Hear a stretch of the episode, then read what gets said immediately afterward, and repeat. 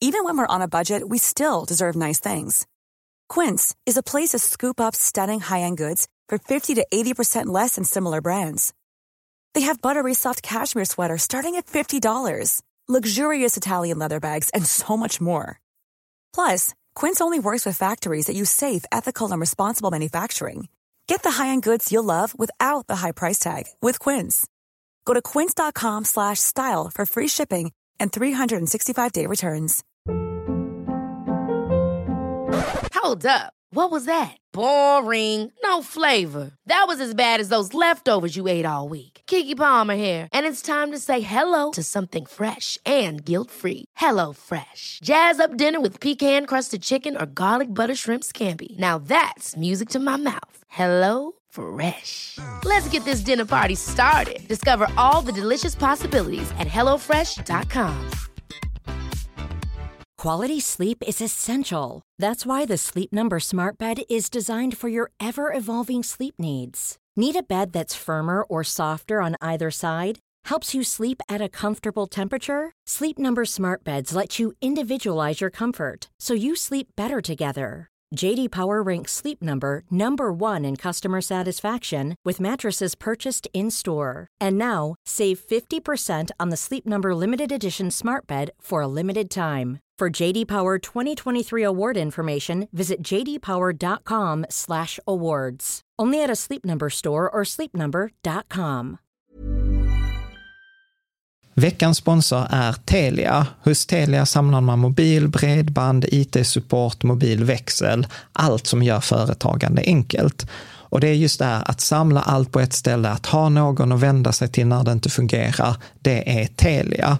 Ett exempel på vad som inte är Telia, det är ju som när jag lyckas boka förmötet för en poddinspelning med Finansinspektionen till efter själva inspelningstillfället. Eller när jag här, här året var liksom, fick för mig att jag skulle börja springa, så jag är liksom ute och springer taggad, träffar en kompis som säger så du Jan, på måndag ska jag springa ett lopp.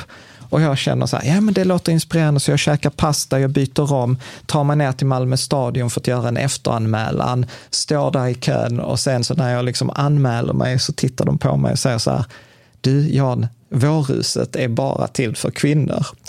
Och eh, det var, det var typisk en situation som inte är Telia.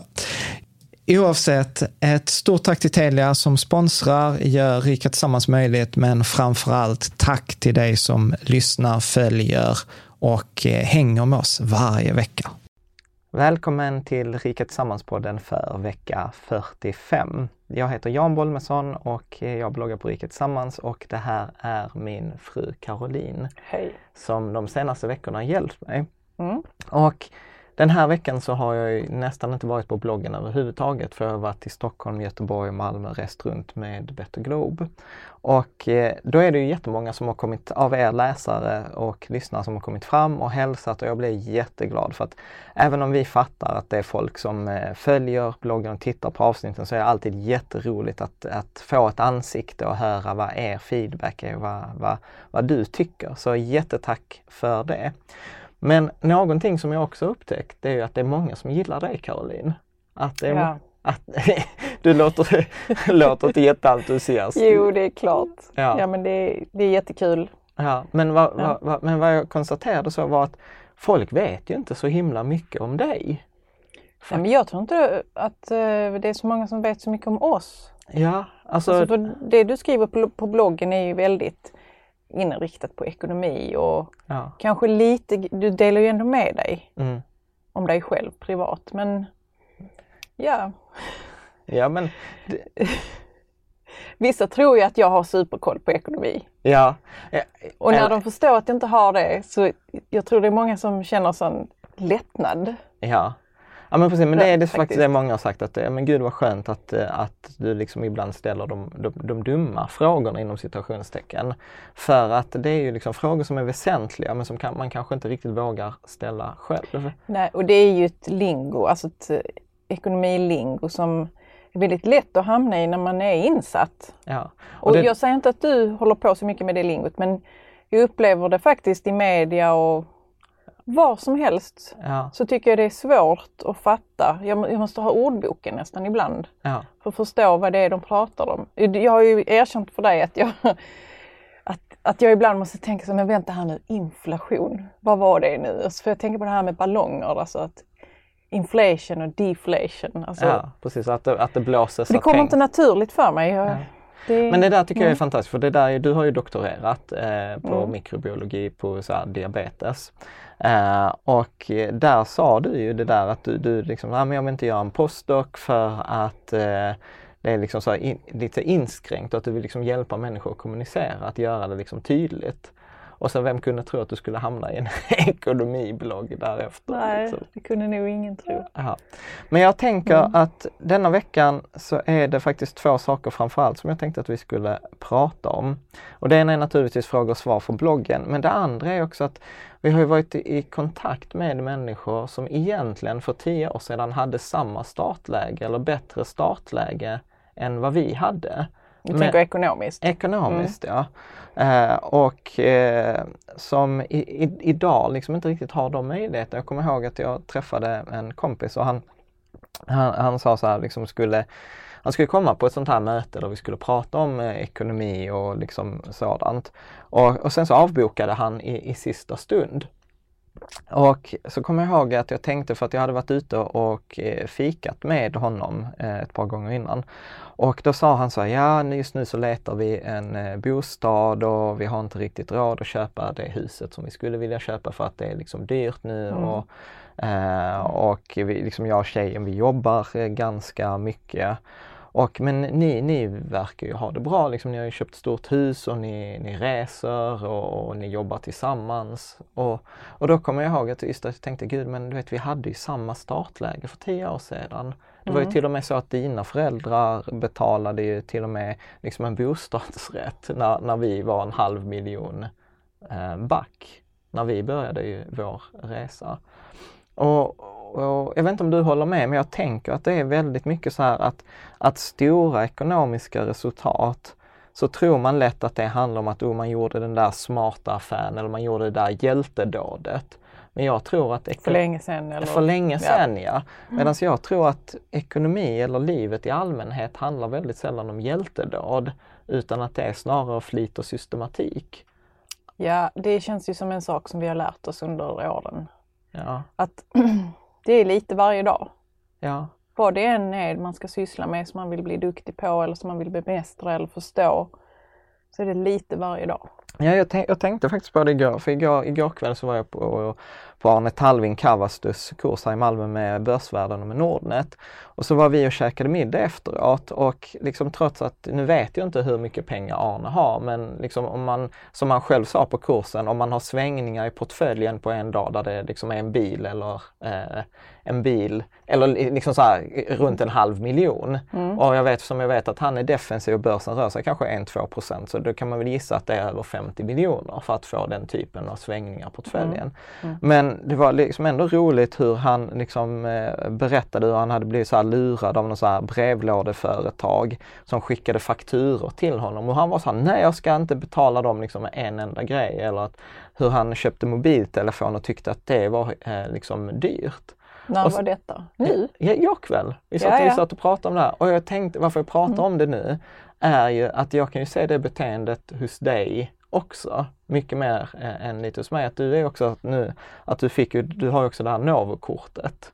Ja, jag har och- skaffat det nu. Ja, och, och du är så här, gud jag har inte riktigt koll. Jag vill, nu, nu, har jag, nu har jag sparat varenda kvitto här för jag vill liksom ha koll på vad mina utgifter Jo, men det är ett kreditkort och det har jag inte haft innan. Jag tycker det är så himla skönt att veta så att nu har jag 5000 här på kontot och, eh, och tar de slut så är det slut sen. Jag har ju liksom inget, ingen sån här magisk gräns där det liksom tas av pengar som egentligen inte finns än. Ja. Förstår du vad jag menar? Ja. Men Men vad är det som mm. gör att du har kvar den där, liksom, trots att du egentligen inte skulle behöva ha koll på, okej inte att du hade kunnat spendera hundratusentals kronor men det är ju egentligen inte, du och jag hade ju inte behövt räkna hundralappar. Men vi gör det Nej, ändå. men jag tror att det handlar om att som jag har vu- vuxit upp så Mm. har det varit ehm, så att man, man jobbar hårt för sina pengar, man kanske har flera jobb. Ehm, och eh, sen så konsumerar man dem. Mm. Mm. Men eh, i och med att, jag måste tänka här lite, hur är det nu? Jo, och det har, det har, samtidigt som man konsumerar sina pengar Mm.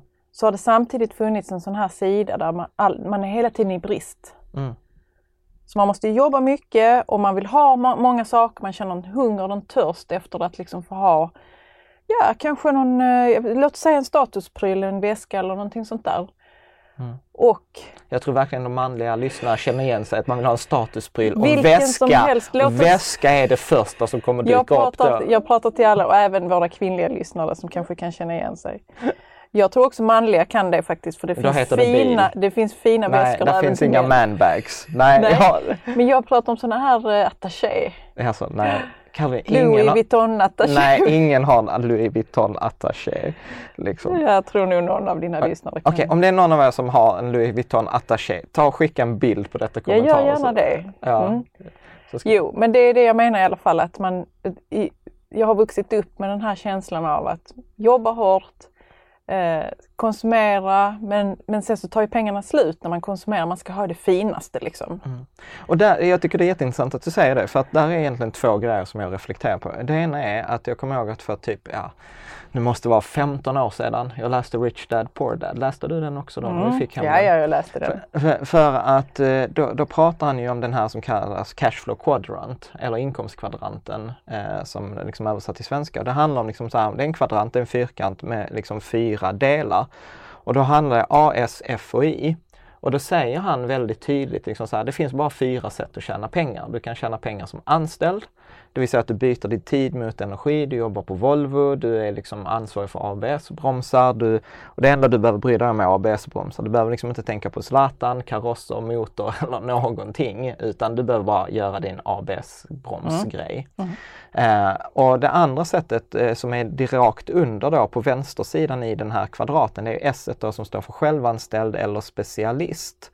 Och eh, som specialist, då, då är man ju väldigt duktig på någonting. Alltså man är till exempel en advokat eller tandläkare och så bestämmer man sig för att starta eget och sen Eh, liksom lagar man tänderna själv, man skickar faktura själv, man släcker själv, man gör bokföring. Alltså man gör allting själv, så man är självanställd eller specialist. Och, och sen på andra sidan så var det då F och I. F uppe till högra hörnet och I nedre i högra hörnet. Och då säger man att F är en förmånstagare, det vill säga att man kan tjäna pengar på att man bygger upp en maskin och nu funkar maskinen av sig själv att leverera pengar. Till exempel att när jag skrev eh, boken med Charlie då fick vi ju ingenting betalt för själva boken. Liksom. Men när vi lämnade in manuset och boken gick till tryckning, då fick vi sen liksom 7 kronor per såld eh, bok. Och då Mm. behövde vi inte lägga in mer tid utan då var ju maskinen, boken var färdig. Och så funkar det för artister, Mm. Så ni har ju patent. tjänat jättemycket pengar på den boken.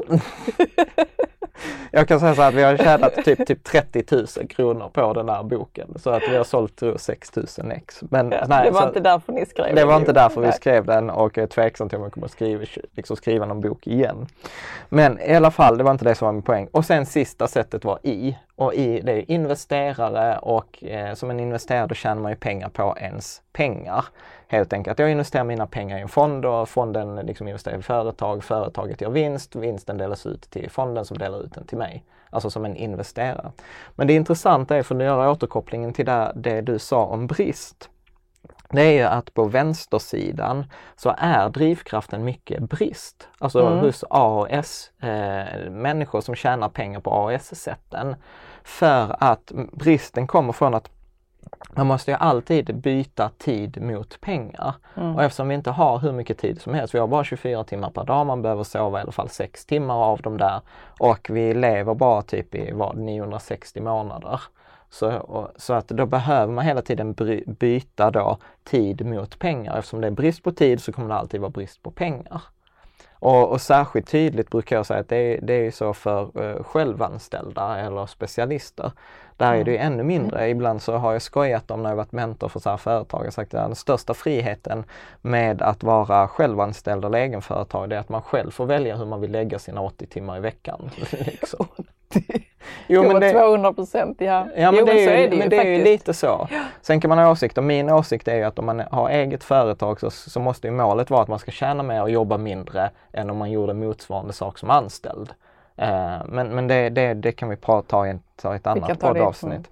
Men i alla fall, poängen var eh, så att man drivs av brist. Eh, och det är alltid, pratar man med människor som primärt tjänar sina pengar i A eller S så kommer de flesta, inte alla, men de flesta kommer säga att de hade gärna tjänat mer eller de hade jobbat mindre eller de hade gärna haft mer semester eller haft mer energi. Ja, är det riktigt absolut. illa i AS-kvadranten så är det brist på både tid, pengar och energi. Och då har de liksom det gått in... tror jag många kan känna igen sig i. Ja, och då, då är man liksom inne i den här gått in i, i väggen-grejen. Och, och där tror jag väl att det har varit en av mina stora drivkrafter, mina, eller mina rädslor. Att jag har liksom insett så här, men jag vill inte jobba i, i 40 år. Jag vill ha den här friheten, kunna göra något annat. Och det var ju först då när vi läste Rich Dad Poor Dad kom i kontakt med balansekonomi. Jag tror till och med det var innan dess Jan, för vi, vi pratade om för lätt att vara tio år sedan ungefär, kanske lite mer. Ja. Om att det måste ju finnas något mer i livet än att man skaffar sig ett hus och familj och har jobb. Och vad, what else liksom? Mm. Vad, vad händer sen? Ja, nej men precis. Vi förstod det som att det, fanns, det fann, finns människor som lever sin dröm. Och så var det liksom lite så abstrakt, vadå för dröm? Ja men som men har både tid och pengar. spännande med det. Och energi. Ja, men då visste vi kanske inte riktigt vilka de människorna var, eller det kanske var Richard Branson. Ja. Liksom. Men det var kanske inte det vi försökte uppnå. Men jag tror att vi, vi var på jakt efter någonting annat än att bara jobba oss igenom livet. Och, eh, och sen var och ju inte våra löner var ju inte jättestora. Du var ju doktorand. Vad tjänade du som doktorand? Ja men jag tjänade, ett tag tjänade jag 19 innan skatt. 19 ja, efter fyra och ett halvt års Nej men det var, men sen, sen så blev det lite mer. Men alltså universitetet har inte så brant löneutveckling. löneutveckling. Nej, och jag hade ju startat Ecotech då och då var det också typ så här under 20 000. Mm. Så det var inte jättemycket. Men grejen var så att vi fattade ju ändå eh, det här som i Rich boken att man kan ju, uppenbarligen finns det pengar, människor som tjänar pengar på högersidan i den här kvadranten som tjänar pengar genom liksom sina pengar. För det är det pengarna som, tjänar pengar, ja. ja. det var ju något helt nytt för ja, oss. Att alltså. istället för att liksom så här, eh, tid är pengar, så som liksom de flesta på AS-sidan skulle hålla med om, så, så säger de här människorna, men ska du tjäna mycket pengar då kan du inte hålla på med din tid. Utan du måste ju låta dina pengar tjäna pengar. Det här, liksom Man måste att, ha en helt annan hävstång. Ja, att mm. låt dina pengar tjäna pengar åt dig istället för att du jobbar hårt. Eller så här, jo, låt dina pengar jobba hårt åt dig istället för att du behöver jobba hårt åt dina pengar. Mm. Och det var ju väl egentligen där som, som vi började spara. Och ja. Jo, men vi, det var också så att vi insåg att vi Jo, för vi kom i kontakt med Balansekonomi som mm. är ett mm. företag som sysslar mycket med eh, att hjälpa människor till mer tid och pengar och energi. Mm. Och jag minns det som att det, när man ska liksom ut och göra helt nya grejer. Mm. Jag ska inte hålla på med min dator här eh, som, vi, som vi gjorde då. Och mm. vi kanske inte riktigt hade så många eh, vänner och kompisar som förstod sig på vad vi, vad vi snackade om. Eller mm. liksom de, folk nickade och, och, så, och det var inte så mycket konversation kring det. Nej. Nej. Nej men vi gjorde ju någonting som typ ingen annan gjorde. Nej och det var, det var läskigt. Vi var utanför komfortzonen och visst, alltså vi, vi hade ju ingen karta liksom. Nej. Nej. Så då var vi också tvungna med att, att uh, jobba med oss själva. Mm. Och vad vi var rädda för. Alltså det gör vi ju fortfarande hela tiden. Jag är ju jättestyrd av rädslor. Vad andra ska tycka och, och sådana saker. Men det, vi var tvungna att jobba med oss själva minns jag. Jag var tvungen att jobba med mig själv mycket. För att våga mig på att göra saker som inte någon i vår omgivning egentligen hade gjort och så fick vi börja liksom bredda vårt nätverk också lite grann. Ja precis, men, men om vi tar tillbaka det, för tesen här ändå är ju så att det var inget hjältedåd. Vi gjorde Nej, det var inget hjältedåd. liksom. Men vad var, liksom så här för de små, alltså så, som jag skulle liksom ändå gå tillbaka, så skulle jag ändå säga så här, okej okay, men vad är det vi har gjort annorlunda? Vad är det som gör skillnaden mellan då mig och min kompis? Som liksom, att idag är det så pass stor skillnad. Och jag, jag, skulle väl säga att det är lite som, som det du säger, att vi började skifta, att vi ville mer, att vår inkomst skulle vara oberoende av vår tid. Ja. Definitivt att vi började, vi började spara pengar. Vi sparade minst 10 procent. Vi, och vi köpte, alltså grejen är jag tror så här. Vi, vi gjorde ju inte en massa saker som andra människor gjorde. Vi åkte inte på semester eh, de första åren. Nej, vi, vi bodde i en hyresrätt som jag kommer ihåg att I 12 år. i 12 år, jag kommer ihåg att jag tyckte ju att den var jättedyr. Vi betalade 6 5 från början. Tror jag. Sen var den uppe i 7 Mm. Från fyra i centrala Malmö. Ja, och jag tyckte att det var jättedyrt. Ända tills jag pratade med en kompis till Magnus, kommer jag ihåg, och han sa så här, Jan du är dum i huvudet. Alltså sex och ett halvt för en fyra på nästan 90 kvadrat i centrala Ja, Malmö. när är vi lämnade var det väl 7 8 eller något Ja. sånt. Och, det, och det var ingen fantastisk lägenhet. Alltså där var inga parkettgolv eh, utan det var sån här linoleum, Linoleum och- linoleum och, och liksom så. Ingen, ja, ingen balkong och så. Men det var ju, en- ja. Ja, och, och, och det vi gjorde var att vi sparade ju våra pengar. Eller hur? Ja, och det var väl inte egentligen så att vi tänkte att vi skulle bli sådana miljonärer utan det var mest att vi insåg att pengar är ett verktyg Ja. för mer frihet. Ja. Mm. Och, och, och, och det är ju egentligen det som jag, som jag många gånger tänker att jag gärna skulle vilja ge bort eh, till, till, liksom så här, de, till dig som lyssnar på det här. Att det handlar verkligen om de små, de små förändringarna. Eh, att, att liksom ö, över tid, att kanske sätta upp då som vi hade målet att okay, alla våra inkomster ska inte komma från vår tid. Utan, utan vi vill att eh, våra pengar ska jobba åt oss och att sätta dem i arbete.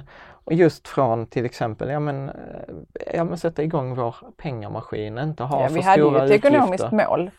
Men jag gillar också en sak som en kollega till dig har sagt att när man liksom när man tappar fokus på eh, liksom när man inte gör det som man hade tänkt. Låt säga att man inte lägger undan 10% utan man konsumerar de pengarna.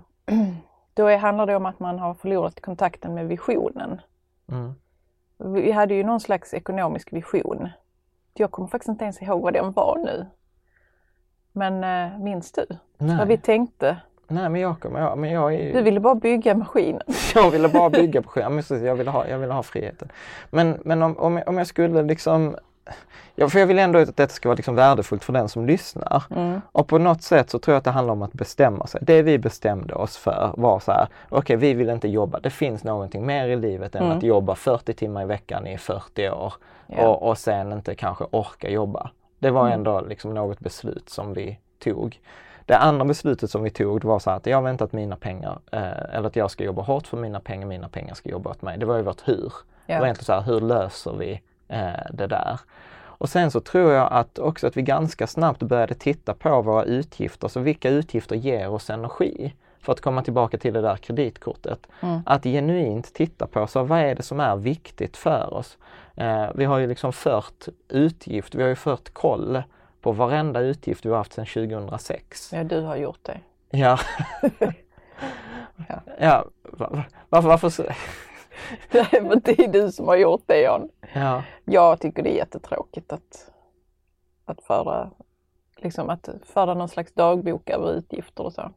Men, håll, Men du har varit väldigt duktig på det men håll med ändå med om och att det har varit stora insikter i vad vi lägger pengar på. Ja, alltså för att vi har Ja. kunnat styra ekonomin på, på, ett, helt, eh, på ett helt annat sätt. Mm. Eh, och i i alla fall också sen om jag ska komma tillbaka till det där. Sen så tror jag nämligen så att, att för varje år som går så tror jag att den här skillnaden, att ha koll på sina utgifter, att bara att välja sina utgifter med omsorg. För det är ändå inte så att vi har snålat. Alltså så här, vi, vi har lagt hur mycket pengar som helst på restaurangbesök till exempel. Vi har ju varit på Noma, vi har varit på liksom så här trestjärniga Michelin-restauranger som kostar, kostar som en weekendresa att gå på. Men då har vi ju gjort det för att det har gett oss energi. Eller hur? Eh, och det där tror jag också är viktigt att verkligen autentiskt, för det- är också en framgångsfaktor som jag vet att många läsare och lyssnare har återkommit med. Att liksom så här, gud, men man köpte den där bilen när man var 20 insåg att det kanske inte gav någonting och sen har man haft en gammal bil. Han Kavasto Arne, han berättade igår att han i 19 år så körde han runt med en, eh, med en Opel. Och han sa så här, vet jag sparade så sjukt mycket pengar. Alla mina kompisar hade BMW-bilar, dyra bilar och jag körde runt i en Opel. Och eh, de liksom bilarna sannolikt var de belånade och idag kan jag köpa vilken Ferrari jag vill. Ja. Men, men liksom nu behöver jag inte den där Ferrarin. Och det där tror jag också är att man är aktiv med sina, eh, sina Man väljer sina, sina utgifter. Man väljer sina mm. utgifter, det tror jag absolut. Men det handlar ju också för honom att se hur mycket kostar de här pengarna, hur mycket kostar den här bilen mig om ja. han hade köpt en BMW? Ja, precis. Och där tror jag, och dessutom sen tror jag nästa grej som jag faktiskt haft turen att fatta tidigt, det är ju ränta på ränta. Mm. Och, jag, och, och, när jag pratar, jag pratar med många människor om ränta på ränta och min upplevelse är faktiskt att de flesta människor blandar ihop ränta på ränta med ackumulation. Mm. Det vill säga så att okej, okay, men om jag sparar en tusenlapp i månaden så har jag 12 000 eh, på ett år och då har jag 24 000 på två år, 36 på, på tre år etc. Och så tänker man att det är det sparandet går ut på. Men då har ju inte pengarna börjat jobba utan de har ju bara samlat pengarna på hög. Ja. Ränta på ränta är ju att när du har till exempel 100 000 och du har 10 ränta, ja men då växer de 100 000 till 110 000. Så sparar du liksom 100 000 till andra året, ja då har du 200 000 som du har sparat själv. Men pengarna har ju också jobbat ihop 10 000 plus 10 000. Ja. Liksom, eh, eller 20 000 då andra året. Så att just det här med ränta på ränta, att låta pengarna jobba åt en själv, det tror jag är jätte, jätte, jätte, jätteviktigt. Eh, jag såg någon sån här, eh, någon sånt här citat på nätet. Liksom, antingen så fattar du ränta på ränta och du betalar ränta på ränta till dig. Eller så fattar du inte ränta på ränta och då är det du som betalar till någon annan. Mm. Och jag tänker det, det är ju liksom mycket det i värsta fall man har sett på Lyxfällan. Medan nu när jag kommer ihåg när jag loggade in där och visade på, på Avanza-kontot att liksom så här, plötsligt, ja men då har det liksom växt med 140 000 under 12 månader. Och då har ju inte vi gjort någonting för de pengarna annat än att bara ha dem eh, i, i mm. fonder. Mm. Tänker jag. Och, och, jag tänker också att det handlar ju om att sätta igång idag. Att jag, jag vet, jag träffar ibland människor som säger så här, men du vet detta skulle jag gjort för tio år sedan. Och, och så är det ju naturligtvis. Alltså, det är ju som kineserna säger, bästa tillfället att plantera ett träd, det var 20 år sedan. Näst bästa tillfället är idag. Mm. Och det där tror jag att ibland kan också folk tycka, men det är inte lönt, det tar tid, det, det går långsamt. Men för guds skull. Ja, men jag tänker också en grej som har kommit till mig detta året. Mm. Eh, jag kan berätta om en taxiresa som jag gjorde bara för några dagar sedan. Ja. Som illustrerar detta väldigt väl, den här insikten. Eh, jag skulle åka bara en liten bit här i stan och jag tar min app, taxiappen och, och väntar på taxibilen som ska komma. Och taxichauffören är jättesur och frågar Hur kunde du få tag i mig och min bil? Alltså jag var fem kilometer bort och han, mm. Han ojar sig, han var kanske 60 någonting, ojar sig över att jag hade alltså bokat hans bil och eh, att det var skitjobbigt för honom. Och han ville minsann inte köra bil. Han ville inte vara taxichaufför för det var så dåligt betalt. Jag bara tänkte så han är alltså 60 år gammal och sitter och har 50 kronor timmen eller någonting. Mm.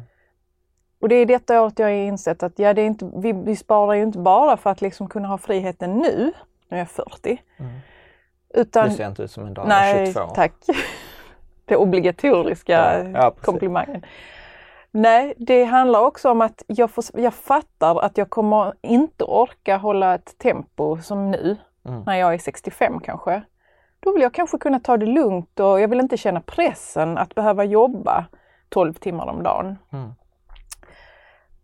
Alltså jag har inte tänkt på det innan, hur viktigt det är att, att se att om 25 år så, så vill jag ju kunna göra det här och det här och ta det lugnt ja, och, jag, och vara fri. Alltså, jag, alltså det handlar ju också om att kunna vara fri när man är gammal. Ja, gud ja. Alltså jag tänker ju på det där i många, alltså jag la upp ett klipp på Facebook häromveckan från Rapport att det var en sån här fattigpensionär i Landskrona. Du vet, hon jobbat hela sitt liv. Och nu får hon liksom inte ihop det. Vi pratar med, med liksom andra lite äldre människor som vi känner som ska gå i pension nästa år, jobbat liksom i 40 år, få ut 15 000, efter, eh, liksom 15 000 i pension innan skatt. Alltså, eh, och, och, som den här taxichauffören, alltså jag får så mycket empati ja. att jag hade unnat dem, jag verkligen unnat Man hade unnat honom och de här andra människorna den kunskapen lite tidigare ja, kanske. Ja precis, ja. För till exempel om man tar pension, jag läste någon sån här eh, artikel som, som skämtar så här, du vet, ah, men du behöver inte tänka på din pension förrän du är 64, det räcker att du börjar spara då, du behöver bara spara 12 gånger din årsinkomst och ha 25% avkastning. Liksom. Och, och, man blir så här, ja nej du vet det är nu, det är nu när man är liksom 20, 30, 40, kanske 50, alltså du vet det är nu man behöver göra de där förändringarna i sin ekonomi. Och kan få ränta på ränta. Ja precis ja. Och, och, och, det är ju det som jag till exempel undrar då min, min, min kompis här att att jag önskar verkligen att de hängde på mer mycket av de här grejerna. Liksom för, för att för varje år när vi började så var det ju till och med så här att startläget var samma men just ränta på ränta gör ju att detta, att, att skillnaden blir så mycket större för varje år. Det här gapet bara ökar ju jätte, jättemycket mer. Mm. Eh, efter, eftersom det är liksom inte bara att liksom... Det blir som två färger som går två grader från varandra. Ja, liksom ja men precis. precis. Ja, men skitbra. Arne använde faktiskt en annan metafor igår. Han sa så här, du vet det är som två bilar som kör, den ena kör 105 km i timmen, den andra kör 110. I början ser du ingen skillnad. Den, den ena går lite, lite fortare än den andra. Mm. Men liksom så här, tio timmar senare, då ser ju inte ens den där 110 km bilen den andra i, i, i backspegeln. Så, så, stor. Eh, Men vad skulle stor. vi kunna rekommendera människor som är sugna på det här att göra lite varje dag egentligen? Ja, men, alltså just det där med att köra 110 istället för 105. Så tror jag att det handlar om att göra ett, ett par olika steg. Jag tror att det, för det första så tror jag att det handlar om att verkligen titta på att, alltså, vad vill man? Vad är målet? Alltså för oss var det ganska, vi vill inte jobba hela livet. Liksom, vi vill ha friheten. Vi vill inte liksom råka ut för, precis som du berättade med den här taxichauffören. Och, och för, när, när, vi pratar, när jag pratar med andra människor så brukar de säga att de säger, jag vill ha mer tid med familjen, jag vill ha mer tid med mina barn, jag vill ha mer tid med, med mina vänner, eller kunna engagera mig i det som jag brinner för eller eh, starta ett projekt eller starta eget eller liksom yeah. resa jorden runt eller vad det nu än är. Yeah.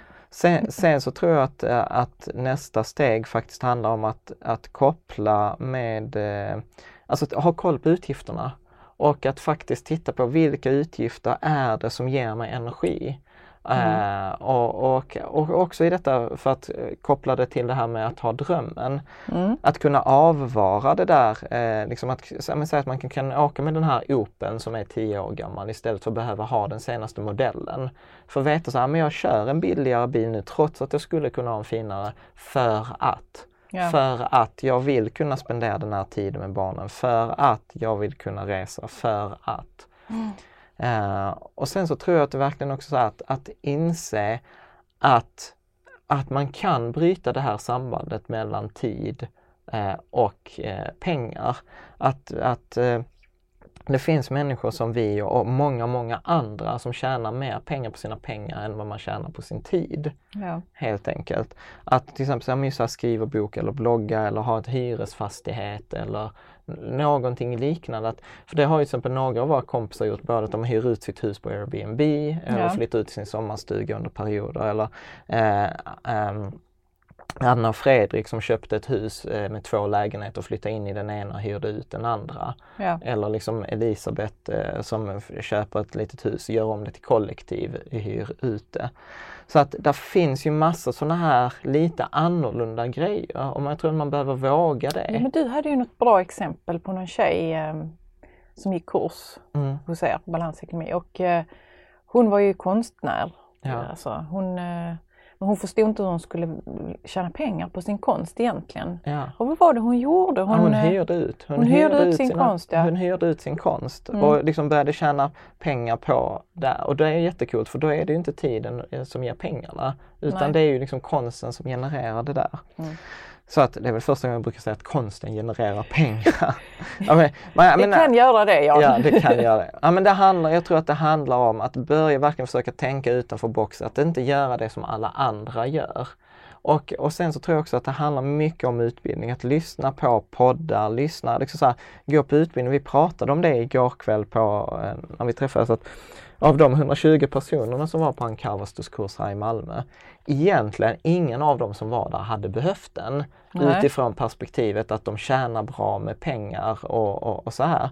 Utan man önskar ju att det var alla de andra som kämpar och sliter där ute som ja. hade fått den här kunskapen i sig, att liksom börja spara, börja med fonder, börja med eh, liksom det här långsiktiga sparandet. Um, så jag, jag tror ju verkligen så att, invest, att investera i sig själv, det, ja, men jag det tror det är svårt för många. Jag tror faktiskt det är svårt för många också, just det där med att inte veta att man inte vet. Ja. Mm. Nej, men det, det, det... Så man måste ibland chansa och hoppa på någon kurs som kan verka lite intressant. Det kan vara ekonomi eller det kan vara något annat. Ja.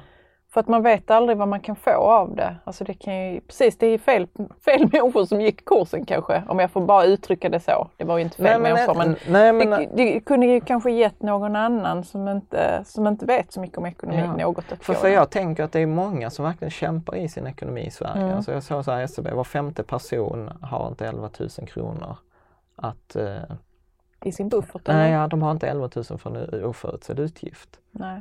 Så att verkligen, så att om, om jag ska säga sammanfattning, sista Mm. gången, fem punktlistor. Ha ett, eh, skapa dig ett mål, ett varför, ett inspirerande som kan göra, som är ett svar på frågan så här, varför ska jag avvara någonting idag? Varför ska jag göra den här förändringen? Varför ska jag göra någonting som ingen av mina kompisar gör? Sen skulle jag säga så här, håll koll på utgifterna. Lägg undan eh, sparande så som vi alltid säger 10% till dig själv. Spara långsiktigt. Skit i att du skulle gjort detta för 10 år sedan, för 20 år sedan. Börja idag. Börja det här sparandet så du börjar bryta det här sambandet mellan tid och pengar. Låt dina pengar jobba hårt åt dig istället för att du jobbar hårt åt dina pengar. Och sen så tror jag slutligen så här faktiskt det som vi har gjort mycket, alltså investera Investera i dig själv, läs böcker, lyssna på poddar, följ bloggar. Gå på kurser. Gå på kurser, ställ frågor, känn dig inte ensam i, i det här utan vi människor gör så som de vi umgås med.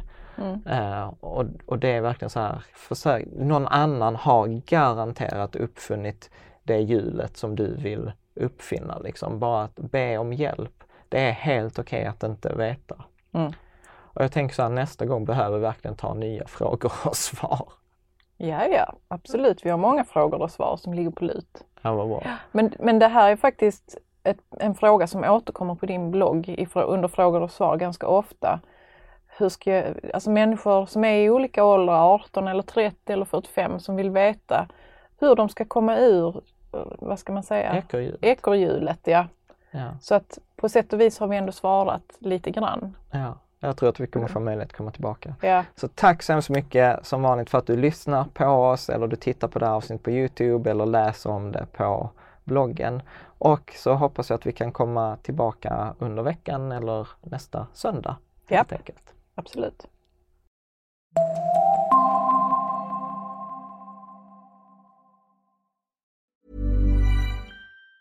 Planning for your next trip? Elevate your travel style with Quince. Quince has all the jet setting essentials you'll want for your next getaway, like European linen, premium luggage options, buttery soft Italian leather bags, and so much more. And it's all priced at 50 to 80% less than similar brands. Plus, Quince only works with factories that use safe and ethical manufacturing practices. Pack your bags with high-quality essentials you'll be wearing for vacations to come with Quince. Go to quince.com slash trip for free shipping and 365-day returns. Hi, I'm Daniel, founder of Pretty Litter. Did you know cats tend to hide symptoms of sickness and pain? I learned this the hard way after losing my cat, Gingy. So I created Pretty Litter, a health monitoring litter that helps detect early signs of illness by changing colors, saving you money and potentially your cat's life. Pretty Litter is veterinarian developed, and it's the easiest way to keep tabs on your fur baby's health right at home. Go to prettylitter.com and use code ACAST for 20% off your first order and a free cat toy. Terms and conditions apply. See site for details. Ever catch yourself eating the same flavorless dinner three days in a row?